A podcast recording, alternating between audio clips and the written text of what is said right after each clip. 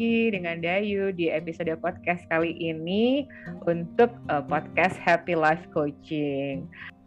Senang ya belakangan ini kita dengar kabar-kabar yang lumayan bikin kita happy nih. Ya beberapa kabar yang kita dengar, yang kita baca dari sekitaran kita tuh uh, bikin kita lumayan happy lah ya. Nah dalam rangka apa ya? Uh, dalam rangka memang kita juga mensyukuri mensyukuri bahwa berita membaiknya itu bahwa Indonesia sekarang COVID-nya juga sudah mulai menurun gitu ya. Terus uh, beberapa perusahaan sudah uh, punya kebijakan karyawan-karyanya masuk ke masuk kantor gitu ya. Nah, terutama juga buat uh, ini anak sekolah, anak sekolah ternyata sudah mulai nih, mulai sekolah tatap muka.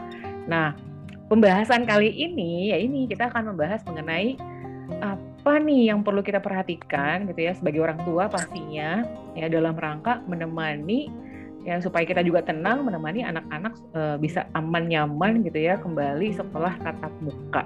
Nggak bahas sendirian pastinya.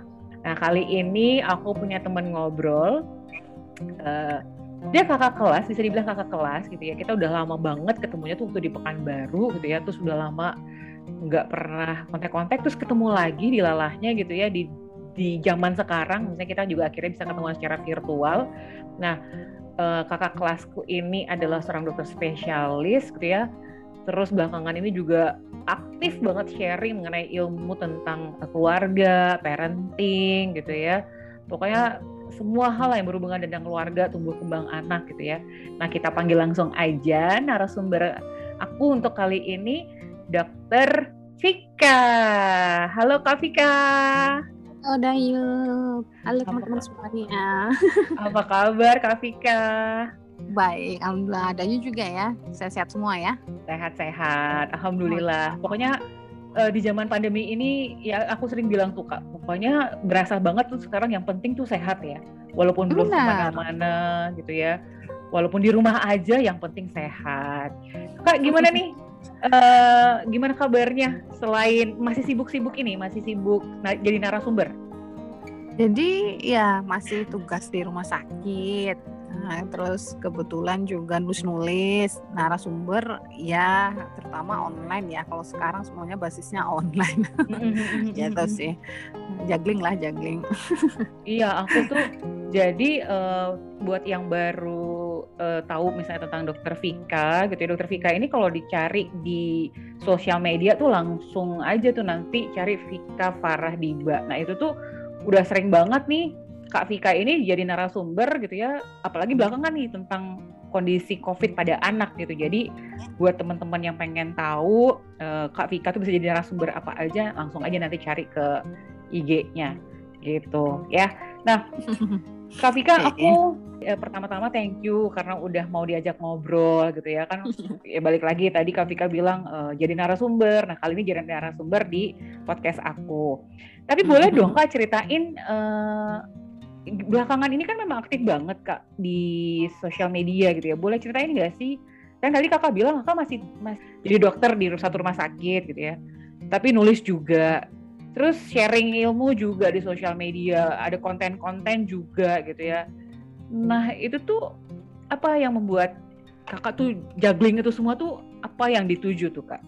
Uh, jadi kalau itu sih udah going with the flow lah ya. Kalau udah misalnya udah berbaju berbaju seperti aku ini, itu udah kayak going with the flow aja. Karena memang kalau kita ketemu kasusnya di real life pekerjaan itulah yang akan membuat kita tuh jadi uh, aware juga gitu ke luar gitu. Kayak misalnya kita ketemu nih kasus covid anaknya kita ketemu uh, aku langsung bilangin covid aja ya contoh yang lagi dihadapin sekarang ya. Pada waktu pertama-tama covid itu aku melihat ini pasien-pasienku ya aku melihat bahwa pasien-pasienku ini uh, mereka bukan orang yang tidak tidak taat prokes ya. Lalu mereka bukan orang yang nggak percaya COVID, mereka percaya, mereka taat prokes, tapi kok bisa kena COVID gitu. Itu yang dilihat dari latar belakang pasienku. Terus ternyata mereka punya problem lain yang sulit, misal bapaknya harus kerja, apa boleh buat gitu kan, harus keluar.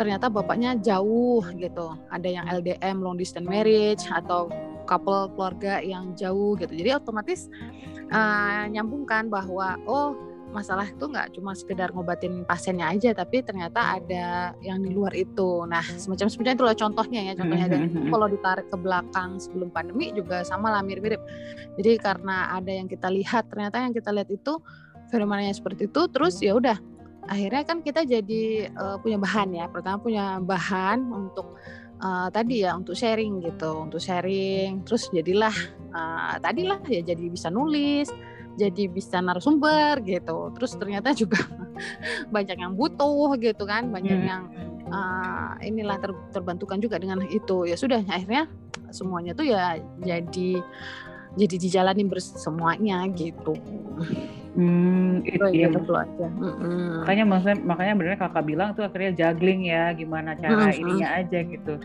Tapi pernah ini nggak sih kak kayak misalnya kan nih sekarang kita rekamannya malam ya kak ya. Tapi kan di, di siangnya kan nggak mungkin nggak ngapa-ngapain gitu ya kan ada ada Mm-mm. pekerjaan utama terus nulis Mm-mm. jadi narasumber. Pernah ngerasa useless nggak sih? Pernah ngerasa aduh capek, pernah pernah pengen berhenti, terus mau sampai kapan kayak gini tuh pernah kepikir gitu nggak sih kak? Enggak, karena eh, malah tambah banyak teman sih. Kalau aku yakin deh, aku pernah bikin-bikin beginian. Itu tuh sampai nggak berhenti berhenti sampai yang jadi narasumber tuh ada terus yang mau. Terus aku jadi stop. Aku sendiri yang menyetop karena aku nggak punya hostnya. Jadi nggak mungkin aku yang nge-host gitu. Aku minta tolong temanku yang lain tuh nge-host nge-host. Dia juga kadang nggak bisa ya. Padahal tuh acaranya tuh seminggu dua kali. Jadi enggak sih, nggak ada bosennya malah I don't know, jadi kayak malah nambah teman lagi, nambah teman lagi. Apalagi yang pandemi ini ya, kondisi dengan pandemi ini memang kita jadi ngomong sama orang yang jauh, jadi kenal sama orang yang jauh, ketemu gitu ya. Yang dulu mungkin susah ya, jadi malah tambah semakin meluas meluas gitu. Terus udah gitu, eh, aku nggak tahu ya yang yang nggak kenal kami satu circle yang bukan kami pun jadi tahu recognize juga. Entah dia lihat entah enggak aku juga nggak tahu ya. Karena kan kita kan jalan-jalan aja ya. Mm-mm. tapi gitu. Nah soal waktunya memang eh, bisa- pagi saya tuh cuma satu rumah sakit itu mungkin yang agak berbeda dengan dokter lain. Kalau saya memang fokus satu rumah sakit karena anak udah dua. Jadi saya ngurusin anak dulu terus di satu rumah sakit itu sudah 40 jam dalam seminggu. Dalam artian setiap harinya itu 5-6 jam lah saya nongkrong di rumah sakit itu which is menurut aku aku nggak bisa lagi ke mana-mana. Pulang kerja ya aku main-main sebentar kayak tadi ya sama anak malam-malam tunggu anak-anak tidur biasanya aku nyelesain yang naskah-naskah yang diminta-minta penerbit gitu. Karena kadang naskah itu nggak harus dari aku yang punya ide kadang-kadang sudah penerbitnya akan request judul tertentu gitu. Nah itu aku kebut malam-malam gitu. Tuh kadang-kadang kalau aku capean pulang kerja rumah sakit aku ketiduran bareng bocil tuh nanti aku bangun 11 malam jam 12 malam. Kalong lah gitu. Kalong ngetik ngetik gitu. Tapi aku udah seger tuh kan udah tidur udah tidur udah tidur lelap tuh waktu sama bocil tadi. Ya sudah muter gitu. Terus nanti yang ngobrol-ngobrol ini ke weekend ke weekend. Nah terus yang bikin-bikin acara edukasi-edukasi sendiri tadi ya yang di IG Live tadi gara-gara pandemi tadi ya. Mm-mm. gara-gara pandemi memang kan di energinya ada karena di rumah sakit agak longgar dikit kan agak longgar eh, nggak sehektik yang sebelum pandemi agak eh, nggak terlalu crowded gitu loh. Nah jadi energinya tetap ada kalau malam malam kan. Cuman memang jujur aja kalau dia tuh seminggu dua kali atau agak intens itu memang aku nggak punya waktu ya. Paling cuma seminggu sekali lah bisanya. Jadi Hmm. waktu itu yang acaranya itu eh, ini malah susah nyari hostnya malahan. Narasumbernya ada terus yang mau. Oh, oke oke. jadi mana ya? Ya udah gitu. Terus enggak sih. Jadi apakah yang kita eh, baca dan bikin eh kita tulis ya kita tulis kita bikin tadi denger apa nggak denger nggak tahu ya. Cuman ya buktinya ngebro nge, ini aja sih ngemuter aja gitu. Maksudnya ada aja nambah circle yang lain nambah ini contohnya ini ketemu sama Dayu gitu. Iya, Kalau betul betul betul. Ah, kalau nggak ada di sos kalau nggak punya sosmed ini nggak ketemu. Terus Bener. eh apa namanya yang waktu saya dulu awal-awal nulis itu juga di blog aja sih di blog. Itu pertama kali tabloid datang itu saya nggak pernah kirim artikel ke tabloid tapi tabloid nemuin saya dari blog. Dan kalau kalau Dayu perhatiin di Instagram saya itu sebenarnya ada yang saya tulis di highlight press gitu tuh.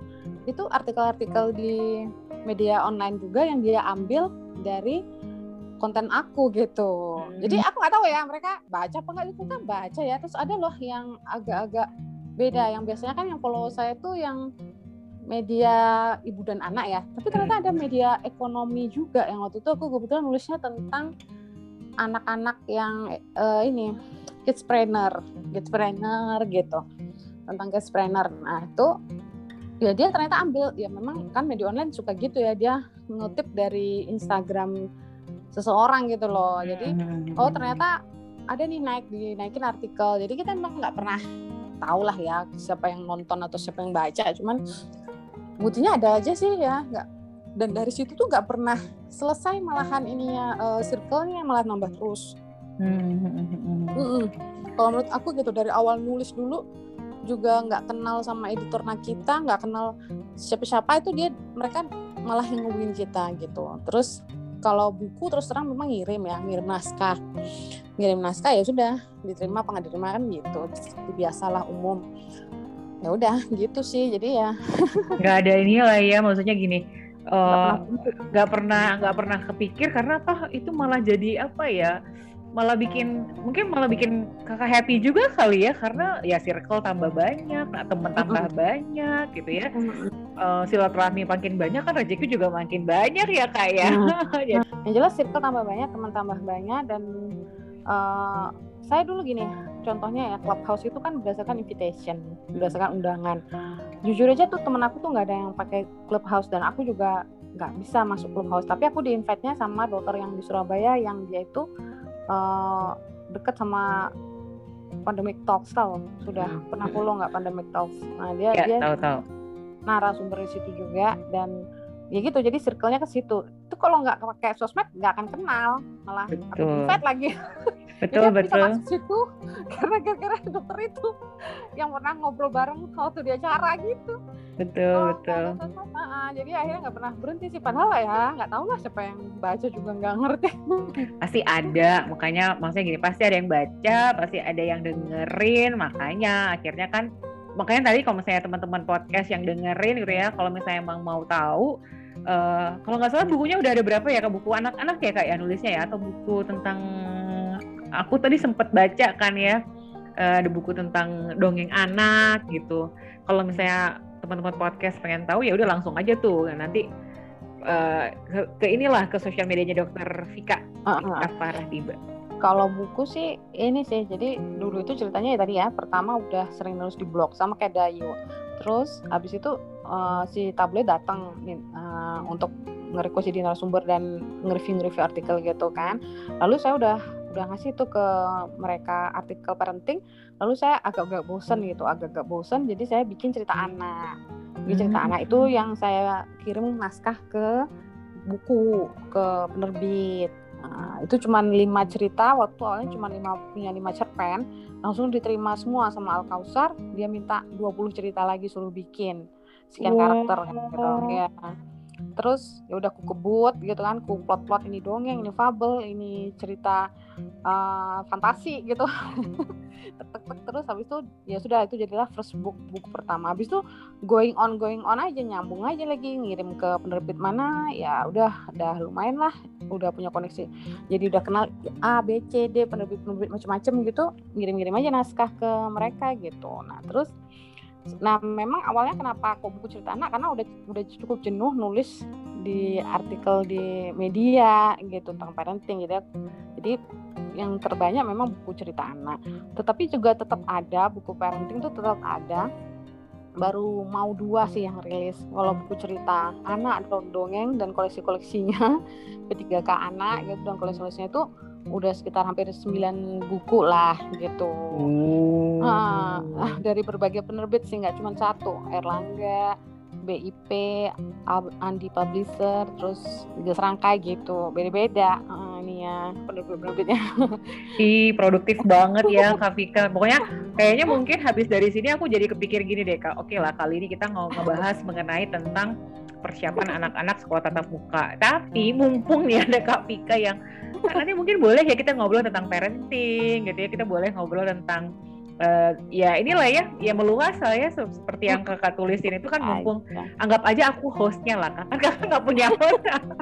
jadi aku hostnya jadi bisa lah tuh kayak kita obrolin setelah ini ya kak ya boleh aja ya. oke nah uh, seperti yang aku bilang di awal tadi, memang kan uh, kita ketemunya memang di saat alhamdulillahnya ya kak ya di satu sisi berarti kan Indonesia juga sudah mulai membaik kondisinya. Aku pun sebagai karyawan gitu ya sudah mulai siap-siap loh kak ke ke kantor lagi return to office tuh ya dalam waktu okay. dekat. Nah hmm. anakku sendiri udah dua minggu nih sebenarnya mereka sudah mulai sekolah tatap muka walaupun seminggu sekali. Nah mungkin uh, aku juga mau nanya lah kak dari sisi kita sama-sama orang tua gitu ya. Terus tapi kakak adalah seorang dokter spesialis anak yang banyak banget ilmunya dan bisa kasih tahu ke kita kita uh, ibu biasa gitu ya dari sisi yang mungkin kita belum tahu. Nah uh, bicara mengenai persiapan anak-anak uh, masuk ke sekolah lagi gitu ya. Sebenarnya uh, kalau kita ngerasa kan waktu mereka belajar di rumah sebenarnya baik-baik aja gitu ya kan. Ya walaupun plus minus gitu ya. Tapi kan baik-baik aja kok sebenarnya selama ini selama satu tahun lebih di rumah mereka juga tetap sekolah. Nah kalau kakak sendiri melihat ini gimana sih kak? Maksudnya ya, ya maksudnya bagusnya sekolah tatap muka lagi atau pelajaran jarak jauh dilanjutkan atau gimana kak? Hmm, jadi memang kalau melihat COVID ini memang nggak pernah ada jawaban yang fix eh, bahwa hari ini jawaban A maka itu akan terjadi berikutnya tuh A terus gitu dan ini yang harus dipahami orang tua karena nanti dokternya ngomongnya gitu. Tapi kan lihat spon juga bu. Jadi uh, rekomendasinya dari IDAI itu juga dapat bersifat uh, berubah gitu loh. Jadi nggak uh, nggak mengikat. sesuai dengan kondisi. Nggak karena memang lihat kondisi. Contohnya waktu kemarin kita lagi nenek-neneknya ya yang rumah sakit penuh banget gitu. Nah pada waktu itu kan otomatis jadi berubah dong bahwa misalnya sudah uh, boleh tetap muka jadi nggak boleh kan gitu. Nah kalau panduan-panduannya ide itu kan kasus angka aktifnya harus udah di bawah 8% kalau WHO kan di bawah 5% memang di bawah 5 ya tapi kalau uh, sekarang Indonesia tuh katanya udah di bawah 3 katanya udah di bawah hmm. tiga cuman kita nggak tahu nih. Nah makanya tadi. Jadi uh, memang benar yang tadi Dayu bilang bahwa udah mulai menurun tadi. Karena memang secara data WHO nyuruhnya di bawah 5 IDAI bilangnya di bawah 8 terus kita memang di bawah tiga gitu. Tapi nggak tahu. Aku nggak tahu kalau selanjutnya uh, bisa nggak terjadi naik hmm. lagi ya. Makanya tetap harus prokes tadi. Terus lalu berikutnya juga cakupan imunisasi. Jadi kalau cakupan imunisasi udah di atas 80% nah makanya bagi ibu-ibu bapak-bapak orang tua uh, siapa pun lah ya yang masih ragu-ragu tentang imunisasi dengan anda itu imunisasi akan meningkatkan cakupan imunisasi ya kan terus justru melindungi anak-anak kita itu yang belum bisa divaksin. Jadi tadi kan syarat-syaratnya angka positif cakupan imunisasi ya gitu. Jadi jangan sampai menolak imunisasi gitu kan? Terutama yang udah wajib imunisasi ya itu soalnya masuk masuk ke syarat. Lalu berikutnya lagi ketersediaan tempat tidur di rumah sakit. Kita harus aware juga kalau kayak kemarin kan penuh banget tuh sampai uh, pada ngantri di UGD loh yang lagi peak-peaknya kemarin. Nah kalau kayak gitu kan apa ya dipaksain anak kita sekolah tatap muka kan enggak gitu. Jadi itu adalah syarat-syarat dari IDAI-nya sambil satu lagi yang uh, juga nggak kalah penting gimana kemampuan anak kita melakukan protokol kesehatan terus kondisi kita di kondisi kita sekeluarga jadi ada enggak yang komorbid misalnya lalu anak kita itu punya penyakit komorbid atau enggak. Terus anak kita udah disiplin belum pakai maskernya nggak lepas-lepas. Cuci tangannya udah uh, disiplin belum. Terus dilihat juga sekolahnya. Sekolahnya udah siap belum? Sekolahnya sudah uh, orang keluarganya apa seluruh anggota sekolah itu gurunya itu sudah vaksin belum? Keluarga juga udah vaksin apa belum? Sambil uh, apa di di sekolah itu sudah ada pembagian gitu. Pembagian-pembagian uh, jam belajar kan nggak kalau Dayu kan pasti nggak full kan itu? Nggak nggak full sih oh. uh, kayak gitu. Lalu kapasitas kelasnya sudah di uh, bikin kelompok-kelompok kecil nggak sirkulasi udara di ruangan kelas itu. Harus ada yang terbuka kalau tertutup harus pakai HEPA filter itu. Habis itu uh, ada nggak cek alat cek suhu alat cek suhu atau UKS di sekolahnya gitu. Jadi ada beberapa yang jadi syarat dan itulah yang jadi pertimbangan dari orang tua memutuskan anak itu sekolah tatap muka apa enggak gitu. Hmm, kalau berarti kalau misalnya kakak kan berarti kalau secara mewakili mungkin bukan ya mewakili kali ya kayak Ikatan Dokter Anak Indonesia pokoknya sarannya adalah ya kalau emang yang tadi tuh poin-poinnya tadi tuh emang sudah terpenuhi berarti aman lah ya kak ya artinya ya. Uh, saya pribadi saya itu akan nunggu anak saya sudah divaksin dulu jadi nggak tahu nih jawaban orang tua masing-masing pasti beda-beda gitu kan. Kalau anak saya mah sudah divaksin terus tadi ya saya akan lihat tuh semuanya tadi terpenuhi baru iya. Tapi kalau anak saya belum divaksin terus uh, ini kalau aku pribadi ya sebagai orang tua ya terus habis itu tadi syarat terpenuhi semua nih tapi kan aku belum vaksin covid. Aku kayaknya nggak berani deh gitu. Hmm. ya gitu. Kalau IDAI juga ada kok syarat anak sudah divaksin di atas 12 tahun. Itu yang sebenarnya dianjurkan uh, dia untuk sekolah juga sambil syarat-syarat yang lain tadi gitu. Hmm, aku sih anak aku yang 12 tahun sih memang udah udah dua kali lah kak dia sekolah udah dua kali dan emang nggak hmm. full nggak full dia cuma dari jam 7 pagi sampai jam 9, 9 kurang 15 hmm. dan emang seminggu sekali aja dan dia emang udah vaksin jadi aku pun uh, waktu kemarin gitu ya ya udahlah memutuskan ya Bismillah lah anaknya juga udah ngerti kebersihan kan ya kak ya. Hmm. Uh, cuman tuh pertanyaan aku lagi hmm. adalah uh, katakanlah misalnya nih hmm, kata dia Idai punya saran tuh, misalnya punya ketentuan supaya sekolah bisa lanjut tatap muka adalah ini ini nih. Tapi itu dimonitor nggak sih kak? Misalnya eh, gimana ya? Aku aku nggak tahu deh nanya ke kakak tepat atau enggak. Tapi dimonitor nggak sih sekolah itu? Terus kondisinya, terus uh, sesu masih sesuai nggak gitu loh? Gimana caranya memastikan memang ya tetap dalam kondisi yang memang dianjurkan gitu bahwa semua yang tadi tuh poin-poinnya tuh uh, terjaga gitu. Ada monitor nggak sih? Ada monitornya nggak sih kak dari IDAI ke sekolah-sekolah atau gimana? Nggak ya? Nggak, nggak ada. Nah, jadi kalau IDAI memang dia uh, bukan yang seperti itu organisasinya ngecekin ke sekolah-sekolah, tapi dia terbuka juga kalau bahwa sekolah itu mem, apa meminta saran gitu loh bahwa apa sih syaratnya lalu orang tua tadi mengecek di sekolahnya itu kayak gitu sekolah masing-masing hmm. sama Kemen uh, Kemendikbudnya sama satuan pendidikan di masing-masing daerah itu jadi dia kan uh, mengeluarkan inilah guideline nah istilahnya kalau IDAI hmm. tapi kalau ngecekin ke masing-masing sekolah mungkin ya juga ya gitu itu sudah uh, ranah yang lain gitu. Oke, okay, I ya, see. Ya, jadi di, di sehingga orang tua ini masing-masing memang harus membekali dengan itu tadi ilmu lah ya itu tadi memang. Jadi kalau saya tuh sering jadi ngumpul-ngumpul ya yang selama bertahun-tahun pandemi ini memang sulit sekali sepertinya menemukan kecocokan itu. Jadi kalau tidak itu ngomong begini selalu nggak bisa gitu loh antara orang tua dan guru itu ketemu gitu mengikuti itu dan latar belakangnya banyak lah. Entah karena itu tadi yang dibilang uh, Mendikbud itu ada lost learning lah gak bisa diajarin di rumah lah malah tambah ke mana-mana lah anaknya gitu ya. Tapi itulah hmm. yang dipesan-pesan ketua IDAI juga bahwa ingat sama hak hidup anak gitu. Dan orang tua pandemi itu harus mengatas uh, memilih hak hidup anak itu gitu loh yang dipilih gitu. Daripada ya tadi lah ya karena saya tuh pernah kok punya anak yang sekolah juga dan sih sering menjadi batuk pilek gitu.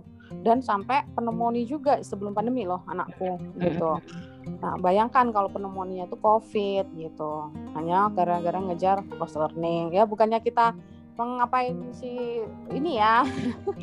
Tapi ya Nah, gitu. Jadi memang susah banget ketemunya. Nanti uh, gurunya tuh nanya, jadi gimana dok? Kalau misalnya gini lah ibu emangnya mau kalau kadang-kadang anak juga bisa jadi uh, penular loh ya gitu. Jadi kita nggak tahu loh nanti dia nularin gurunya gurunya punya komorbid atau dia bawa ke kakeknya ke neneknya kakek neneknya punya komorbid dapatnya di sekolah gitu. Ya makanya itu tadi harus mengingat hak hidup anak itu hak sehat anak gitu. Itu yang hmm. dipesenin gitu. Kalau ngecekin ke sekolah-sekolah mungkin bukan sih kayak bukan uh, mungkin udah bukan ranahnya kali ya. Udah ada ranah sendiri-sendiri kali ya gitu. Nah itulah yang sering jadi. Termasuk nanti kalau bahas gadget gitu. Loh kok gadgetnya dibatasin segitu? Padahal sekolahnya pakai gadget segitu. Kayak gitu juga hmm. jadi masalah gitu jadi masalah gitu. Sama betul betul, betul. Nah, kalau yang kayak gitu, aku jawabnya gini, kalau ibu mau mengharapkan sekolah tatap muka yang 6 jam, 7 jam itu di-convert ke screen time semua, itu nggak bakalan bisa, nggak bagus itu gitu. Jangan seperti itu. Apa mungkin anak 6 jam, 7 jam suruh nonton sekolah kayak dulu gitu kan? Enggak. Ya memang ada namanya transisi lah gitu harusnya eh, kurikulum pendidikannya.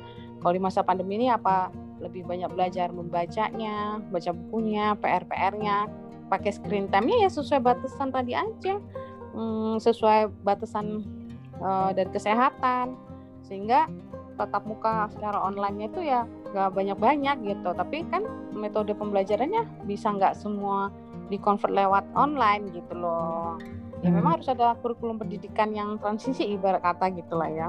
Iya ya. Nah itu mungkin ya itu ya ranahnya mungkin udah beda lagi ya kak ya kalau udah kayak gitu ya banyak banyak ya soalnya dengan adanya pandemi ini tuh jadinya banyak banget yang sebenarnya harus terlibat untuk kebaikan bersama ya nggak sih kak maksudnya ya Benar. kementerian ya. dari kedokteran uh -uh. gitu dari idai setidaknya udah ada guideline-nya lah ya buat orang tua uh -uh. buat sekolah guru gitu uh -uh. nah kalau misalnya bicara hmm, kalau gitu misalnya nih uh, buat para orang tua termasuk aku. Aku sih memang anak pertama sih mungkin dia bisa karena dia juga 12 tahun dia udah tahu kebersihan gimana dan dia udah vaksin juga gitu ya. Dan sekolahnya sebelum kita tatap muka pun sekolahnya ada ada pertemuan sama orang tua uh, udah udah kasih yang kakak bilang tadi tuh persiapannya dia udah nyediain uh, cuci tangan dia udah nyediain hand sanitizer udah udah komplit makanya aku juga yakin gitu ya. Okay. nah tapi Oh, berarti orang tua tuh sebenarnya harus prepare prepare apa ya kak ya? Misalnya katakanlah karena karena ide nggak memantau seorang tua kan berarti bisa mantau kan ya kak ya? Nah apa yang perlu kita pantau apa yang perlu kita persiapkan gitu ya in case ya kenapa-napa itu kita tuh ada apa ya ada tolak ukurnya ada do and don'ts-nya. Nah itu tuh kayak gitu ada nggak tips sih buat orang tua orang tuanya nih? Kita mesti gimana jadinya Iya, jadi memang kan pertama supaya memudahkan tracing tadi sekolah itu dianjurkan bikin kelompok kecil yang namanya bubble class itu. Jadi misalnya terjadi sih anak dan orang tua tuh harus jujur sama dari awal pandemi kalau dia pernah keluar kota atau kalau ada keluarga itu yang suspek positif, jadi jangan sekolahin anaknya gitu. Jadi itu yang uh, harus di ini orang tua gitu kan habis traveling atau habis ngecek rapid gitu atau tahu habis kontak sama siapa gitu kan ternyata positif ya udah jangan anaknya disekolahin gitu kan jadi nge-tracing tuh di sana gitu ya. Jadi kejujuran orang tua tuh harus ada kejujuran yang seperti itu. Termasuk kalau anaknya uh, sakit ya dia harus periksain ya kan? Periksain sakit sakitnya kenapa gitu apanya? Soalnya sekarang semuanya jadi ada penyakit baru kan bukan cuma pikirannya batu pilek biasa lagi kan. Masalahnya batu pilek biasa bisa nularin yang satu kan gejala ringan tanpa gejala misalnya pun malahan.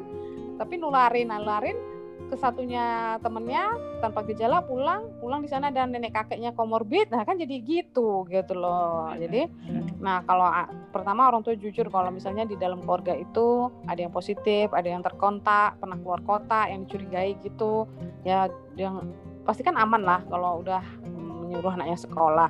Termasuk kalau anaknya ternyata sakit juga segera langsung diobatin ya. Eh, nanti biar dipikirkan. Karena kalau saya sendiri ada beberapa yang udah nyolong-nyolong sih sebelum keluar guideline ini pun ada yang nyolong-nyolong. Entah karena kepepet mungkin pengasuh susah ya. Biasalah curhat-curhat begini kan di sosial media begini ya ngobrol-ngobrol. Dia saking susahnya nyari yang ngomong sebentar dia kerja dia nekat aja gitu anaknya di taruh di daycare. Dan benar ya seperti saya cerita tadi anak di daycare atau di sekolah-sekolah full day gitu kan sering batuk pilek memang. Sebulan Betul. aja bisa dua kali kali. Nah dokternya hmm. jangan jangan disalahin dokternya kalau jadi nge-swab anak itu walaupun cuma batuk pilek. Karena kan dia pasti nggak tahu kan riwayat kontak di ke sekolahnya. Kan nggak mungkin tuh ditanyain anak-anak kecil-kecil itu. Iya betul betul. uh, uh, uh, uh, Jadi kalau ketemu dokternya ya biar dokternya melakukan apa yang harus dilakukan kan kayak gitu. Benar benar orang, benar. orang tua kembali lagi jujur kepada dokternya bahwa dia tuh sudah terkontak di sebuah deker atau itu jadi kan dokternya jadi oh lain lagi nih gitu misalnya. Kecuali memang hanya di rumah saja terus yakin nggak ada yang sakit positif. Tapi kalau di sekolah kan sudah public ya public space nggak seperti itu lagi. Jadi ya tadi jujur sebelum membawa anak sekolah jujur juga ketika bertemu dokter. Mungkin kayak gitu ya tipsnya. Hmm, oke. Okay.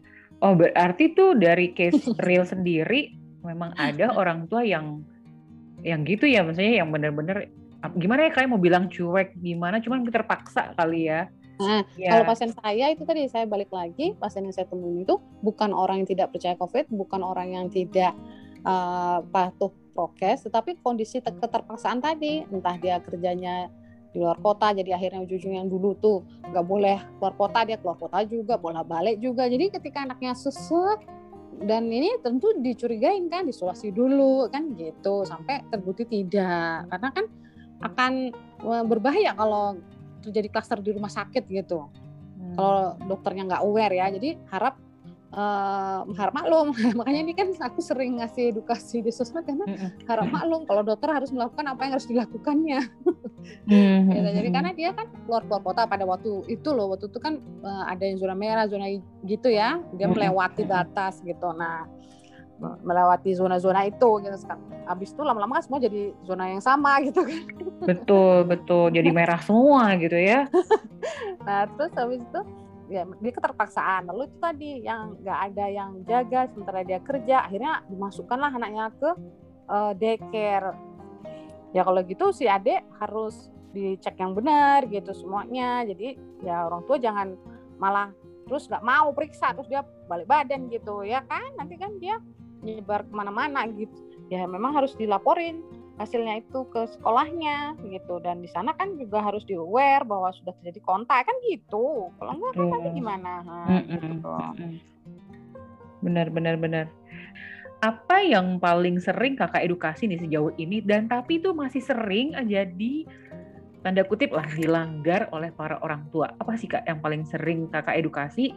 Tapi dilalahnya tuh kejadian terus kejadian terus. Apa sih kak sebenarnya yang paling ini kebanyakan ya mereka itu ini ya uh, keluar keluarnya paling ya yang paling hmm. sering hmm. ya terus habis itu lo yang nanya uh, takut ke rumah sakit tapi mall penuh itu itu yang paling banget sih iya iya iya iya ya. itu kejadian nyata berarti ya nyata iya vaksin ini kan salah satu ikhtiar kita lah ya kak ya untuk bisa mencapai herd immunity.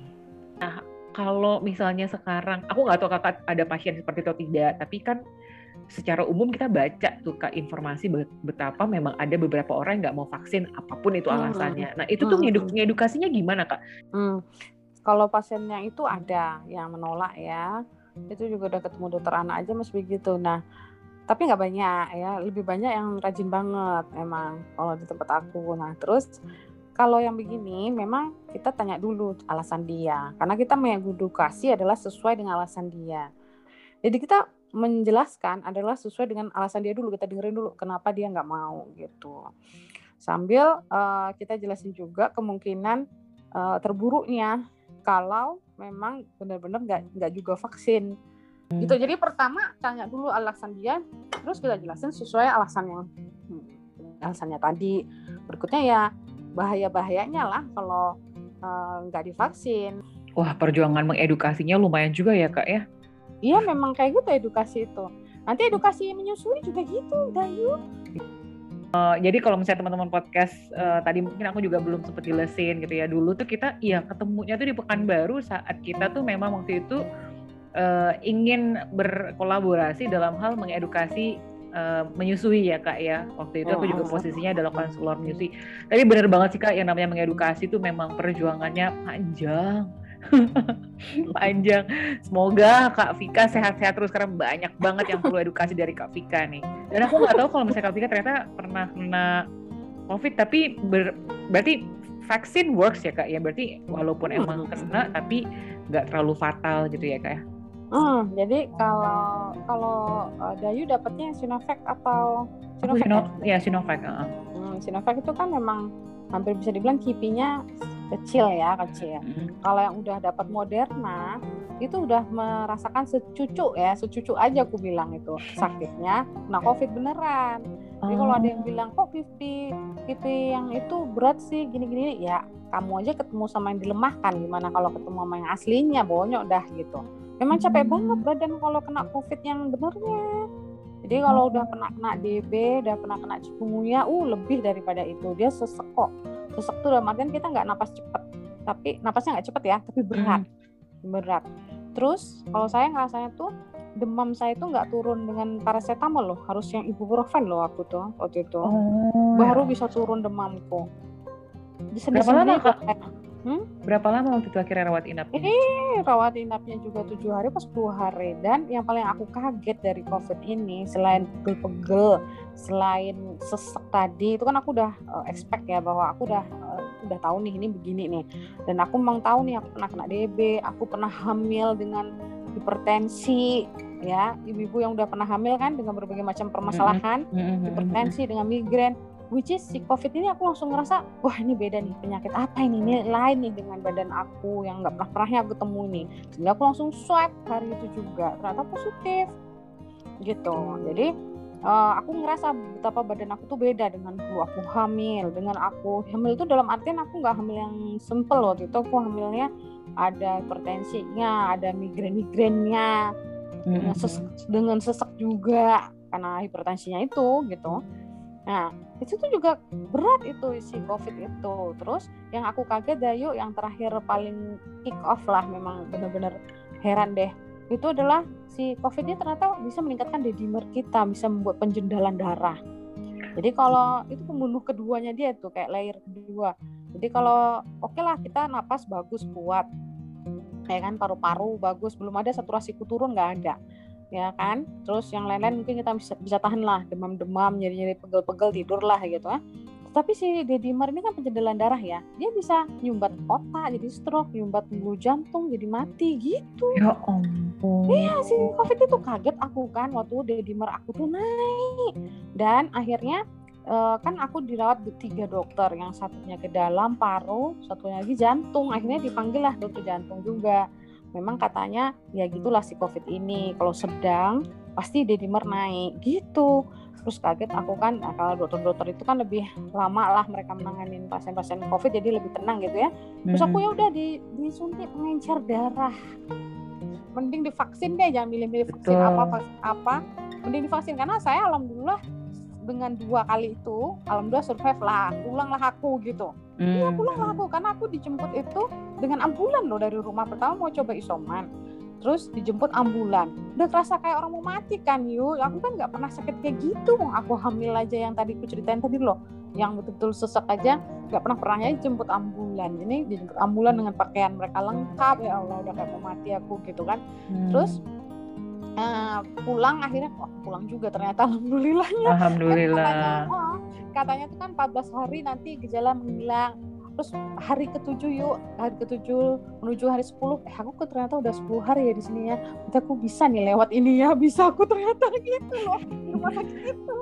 Iya iya iya ya ampun. Ternyata ya kak perjalanannya juga lumayan ya dari ah perjalanan covidnya juga ternyata ini juga ya lumayan juga ya kak ya. Nah, Iya, jadi kalau yang udah pernah vaksin Moderna atau yang katanya sih yang Johnson Johnson ya yang lebih berat juga ya keepingnya tuh mirip lah itu hampir secucuknya aja, secucuknya karena cuma sehari biasanya ngerasanya. Tapi kalau yang COVID bener kan bisa sampai tujuh hari begitu. Ya ampun, ih gak kebayang, gak kebayang artinya hmm, ini kan itu banyak yang kita dengar tuh dewasa gitu ya, tapi gak kebayang kalau misalnya kalau kejadian ke anak-anak tuh seberat itu nggak sih kak? Nah kalau anak-anak alhamdulillahnya itu tadi ya karena uh, katanya sih uh, sistem imunnya dia nggak terlalu menghajar COVID itu seperti itu dan peperangan tubuhnya nggak terlalu seperti itu yang saya hadapin alhamdulillah COVID COVID anak itu uh, nggak seberat sampai ke dimer yang naik lah gitu ya. Saya sebagai dokter anak itu masih pakai guideline guideline yang awal-awal aja jadi nggak sampai yang penyakit sedang berat menangannya gitu sedang Hmm. berat belum pernah ketemu kasus sedang berat. Tapi memang yang menyiksa anak juga lah. Yang jelas dia anoreksik jelas. Dia jadi nggak mau makan sama sekali. Itu kan covid juga gitu. Bener-bener rasanya tuh males banget makan gitu. Dan itu pasien-pasienku tuh seperti itu. Yang anak-anak ya. Terus Mm-mm. ada lagi ikutannya tuh diare. Itu juga. Juga ya gitu. Jadi alhamdulillahnya sih nggak nyampe yang pada anak-anak saya yang ini saya rawat nggak ada yang sampai sedang atau berat mudah-mudahan nggak deh ketemu gitu gitu. Ya syukurlah gitu. Tapi ya cukup berat sih untuk anak kalau aku bilang dengan dia. Dengan dia diisolasi dia cuma didampingi satu kan pengunjung eh satu orang tua kan satu orang tua. Terus didatengin dengan pas eh, dokter-dokter pakai robot gitu. Which is menurut aku waktu pertama kali aku nanganin covid itu gimana ya? Kayak oh my god gitu loh. Aku sebagai dokter aja oh my god what is this gitu loh kayak apa nih kita lagi kita lagi diapain ini ya? Gitu. Dan Iya. itu tadi saya lihat mm, mereka-mereka tuh bukan yang nggak percaya covid, bukan yang nggak taat prokes, tapi ya memang ada alasan-alasan kuat juga. Nah itulah yang kadang-kadang ya tadilah ya perlu diedukasi atau dibahas solusinya, dibahas solusinya kayak waktu itu kami bikin tentang eh, tadi pengusaha gitu gimana di masa pandemi gitu gitulah yang kayak Mm-mm. gitu-gitu. Nah, supaya bisa tetap survive tapi tetap prokes juga gitu loh. Ya betul betul. Karena mungkin kalau misalnya menya- men- apa men- mengutip tadi bahwa hidup hak Iya. hidup oh, hak hidup bukan hanya hak hidup anak aja tapi hak hidup manusia. Jadi artinya memang harus banyak sih yang terlibat ya kak ya dalam rangka. Emang covid kan kayaknya para ahli juga pada belum tahu ya ini gimana? Para dokter aja begitu ya. Jadi Ya. harus selalu di ini kali ya harus selalu dipikirin nih gimana solusinya supaya Iya, ha, benar. ya ekonomi jalan kesehatan Iya. juga gitu Mm-mm. kalau ngomongin covid nih emang ih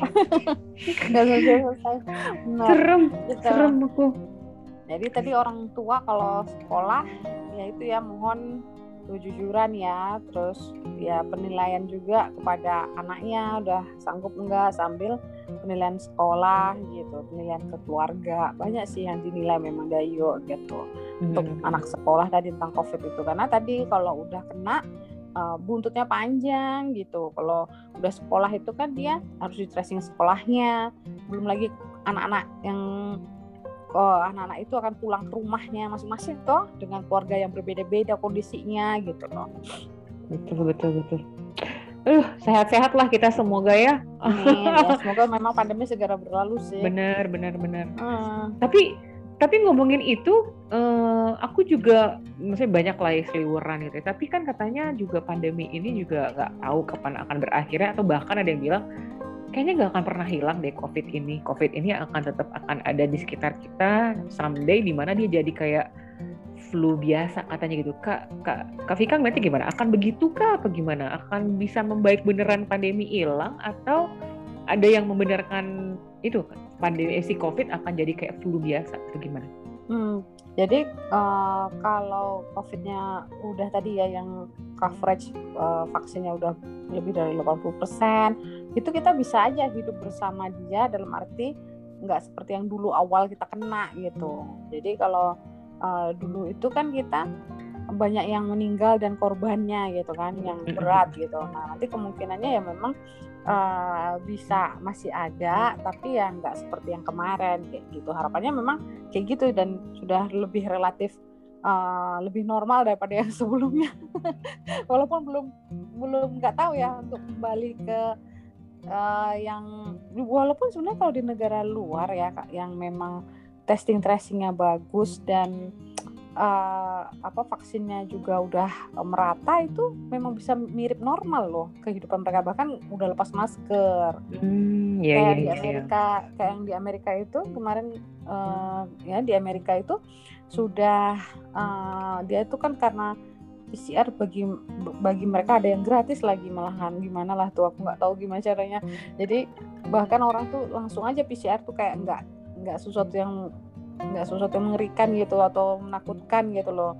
Udah kayak biasa. Nah itu udah seperti itu ya mungkin bisa aja kayak udah lepas masker hanya tertentu tertentu aja pakai maskernya gitu. Jadi Hmm. hampir mirip seperti yang dulu Mm-mm, tapi ya tergantung kembali lagi kepada negara masing-masing dan orang benar benar. benar benar itu dia. Tergantung lagi sama kepatuhan orang-orangnya gitu ya. Benar ya, benar benar. jawabannya susah ya jadi ya mungkin bisa uh, berdampingan terus-terus dalam artian terus-terusan pakai prokes terus atau benar-benar kayak dulu gitu. Tergantung lagi memang karena kan itu tadi kalau yang udah berhasil berhasil lolos itu dia vaksinnya memang uh, udah mencakup semua. Bahkan anak-anak di bawah 12 tadi sudah tiga tahun ke atas tuh. Kalau Amerika tuh anak tiga tahun ke atas sudah disuntik vaksin. Hmm, vaksin COVID nah, ini? Iya, udah? iya, vaksin COVID. Udah. Oh, Indonesia belum ya kak ya? Uh, di bawah 12 belum?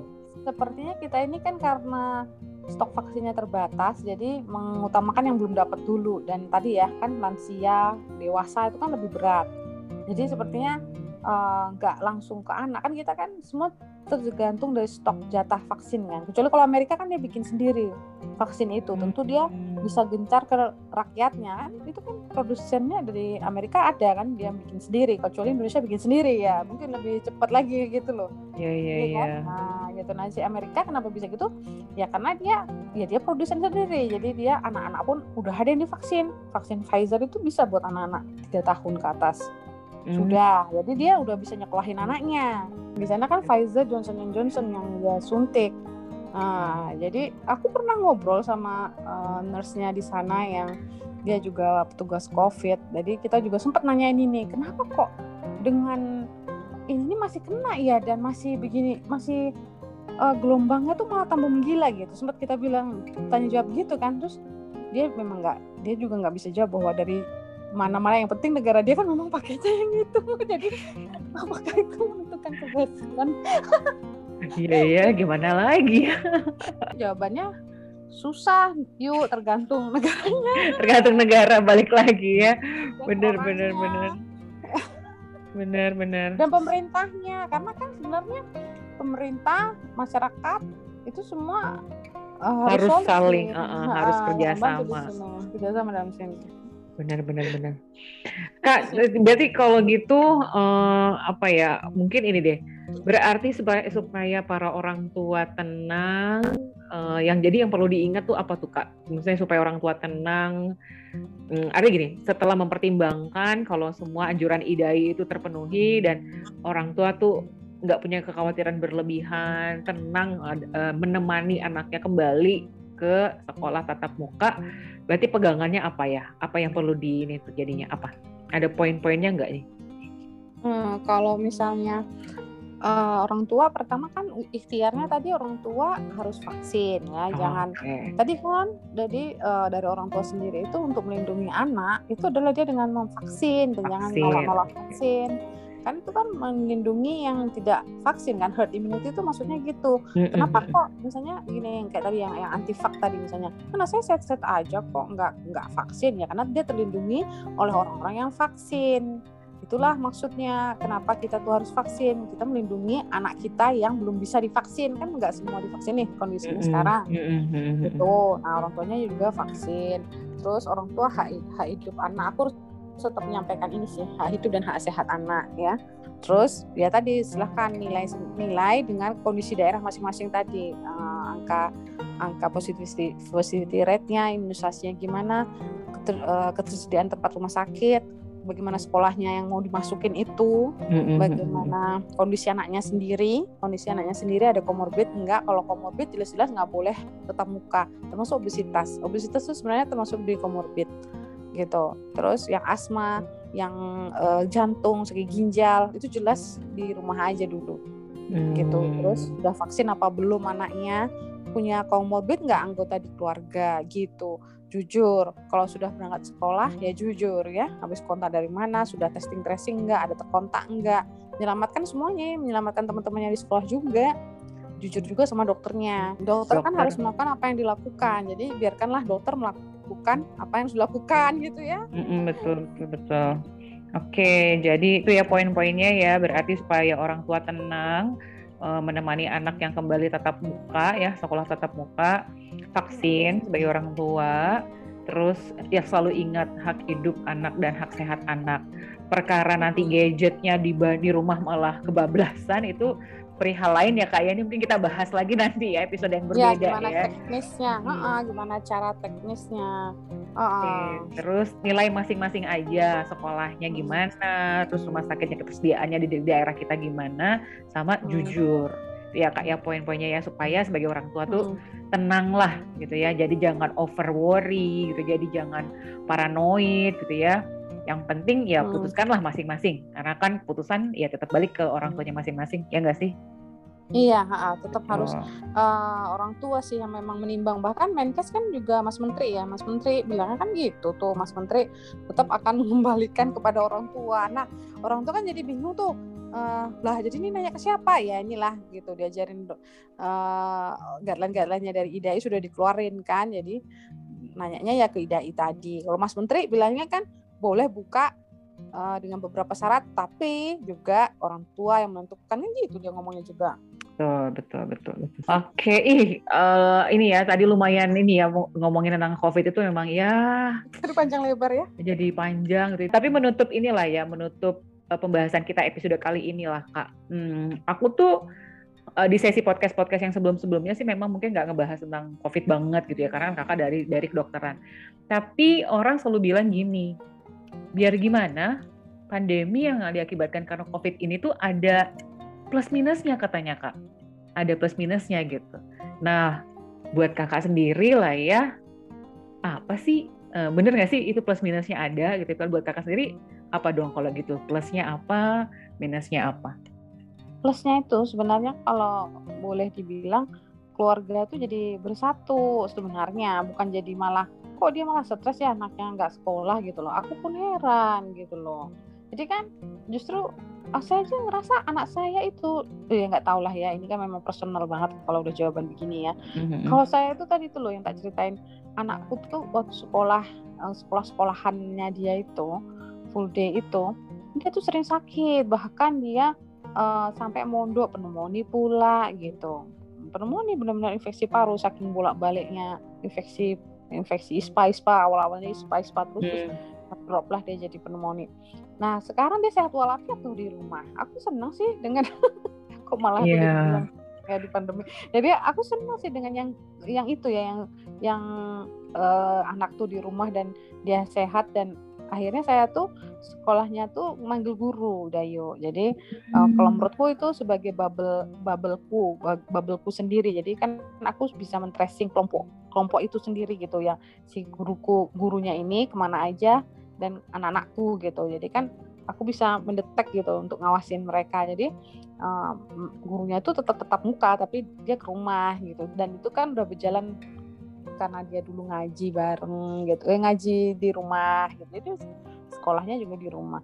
Jadi um, menurutku sih ada aja caranya gitu supaya nggak nggak screen time tadi berkebanyakan tadi bisa. Dicarilah hmm. caranya gitu loh. Sama hidup dan hak sehat anak tadi lah terus gurunya di sini dia juga nggak ketinggalan kok belajar belajar itu juga. Ya lumayan lah kalau aku. Terus uh, aku lebih senang sih itu positifnya bahwa quality time tuh sebenarnya malah lebih sih di pandemi ini. Nggak tahu ya kalau yang menjawab yang lain dan tadi ya uh, uh, alasan malah stres kalau di rumah aku nggak tahu. Sudahlah masing-masing memang beda-beda.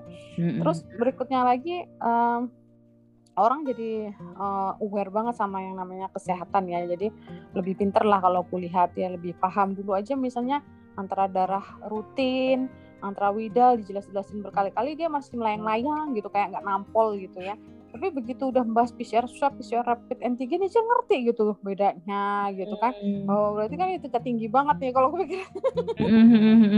Bisa paham antibody ada lagi berapa macam tuh. Cek ada yang tes antibody, ada yang versinya si Genos lagi adanya ya kan gitu betul betul sama betul swab terus terus belum lagi vaksin covid tuh banyak banyak loh macamnya ada yang viral vector ada yang mRNA ada yang uh, virus dilemahkan gitu aja mereka uh, ini banget pengen tahu banget gitu kan nah itu jadi literasi kesehatan tuh meningkat aku lihat yeah. gitu positifnya literasi kesehatan meningkat quality time terhadap keluarga meningkat kalau menurut aku. Hmm. Gitu. Nah negatifnya memang nggak bisa ketemuan gini ya ngobrol-ngobrol sama temen gitu ya. Iya.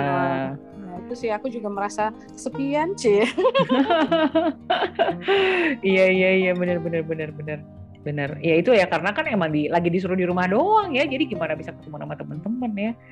Benar benar. Iya. Oke, itu aja berarti ya kalau Kak Ika ya. Uh, positifnya kalau kita literasi kesehatan orang-orang menjadi meningkat, terus uh, negatifnya nggak bisa ketemu sama teman, ya merasa kesepian juga sih memang, tapi ya sudahlah makanya banyak di sosmed deh jadinya. Tuh, nah itu dia. Uh, tapi itu balik lagi, artinya dengan uh, ada sisi uh, memang lagi ya kesepian. Kayak aku pun juga bikin podcast ini gara-gara itu tadi kok ya, kan, memang gara-gara lonely kan? Karena iya, nggak ya, tahu mau ngobrol sama siapa. Udah deh aku ngajak ngobrol aja orang. Ya jadi kalau misalnya ada yang nanya Uh, aku juga sering bilang ya tentang podcast ini. Ada yang nanya gini, podcast lo tuh ada yang dengerin gak sih? Deh, listenernya berapa? Aduh, udah aku gak pikirin. Yang penting aku pada saat lagi podcast ketemu sama orang, walaupun secara virtual, dan ngobrol. Karena hmm. inilah yang hilang pada saat pandemi.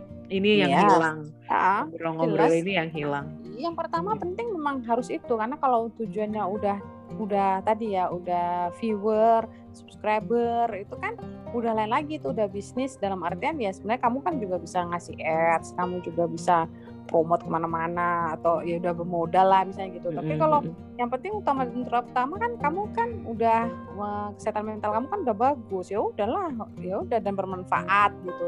Sudah gitu yeah, ya iya, udah yeah, yeah. nah kalau memang sus tujuannya tadi adalah subscriber atau viewer atau apa pun lah ya itu lain lagi itu kan pembahasan betul. yang berbeda teknik betul lain. betul betul nah betul. tapi kalau udah dapat temen udah dapat aku ya itu tadi kan uh, jadi ketemu sama Dayu ini sesuatu banget kan jadinya. Iya bener-bener. Ya nggak nyangka kan kita melanjutkan pertemuan kita yang di baru nggak jadi gitu.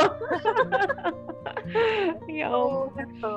Dan itu something treasure juga uh, sih. Uh, uh. jadi Kak Vika jadi artinya gini pesan aku sih buat Kak Vika kalau misalnya lonely udah kita ngobrol lagi aja ya kak ya.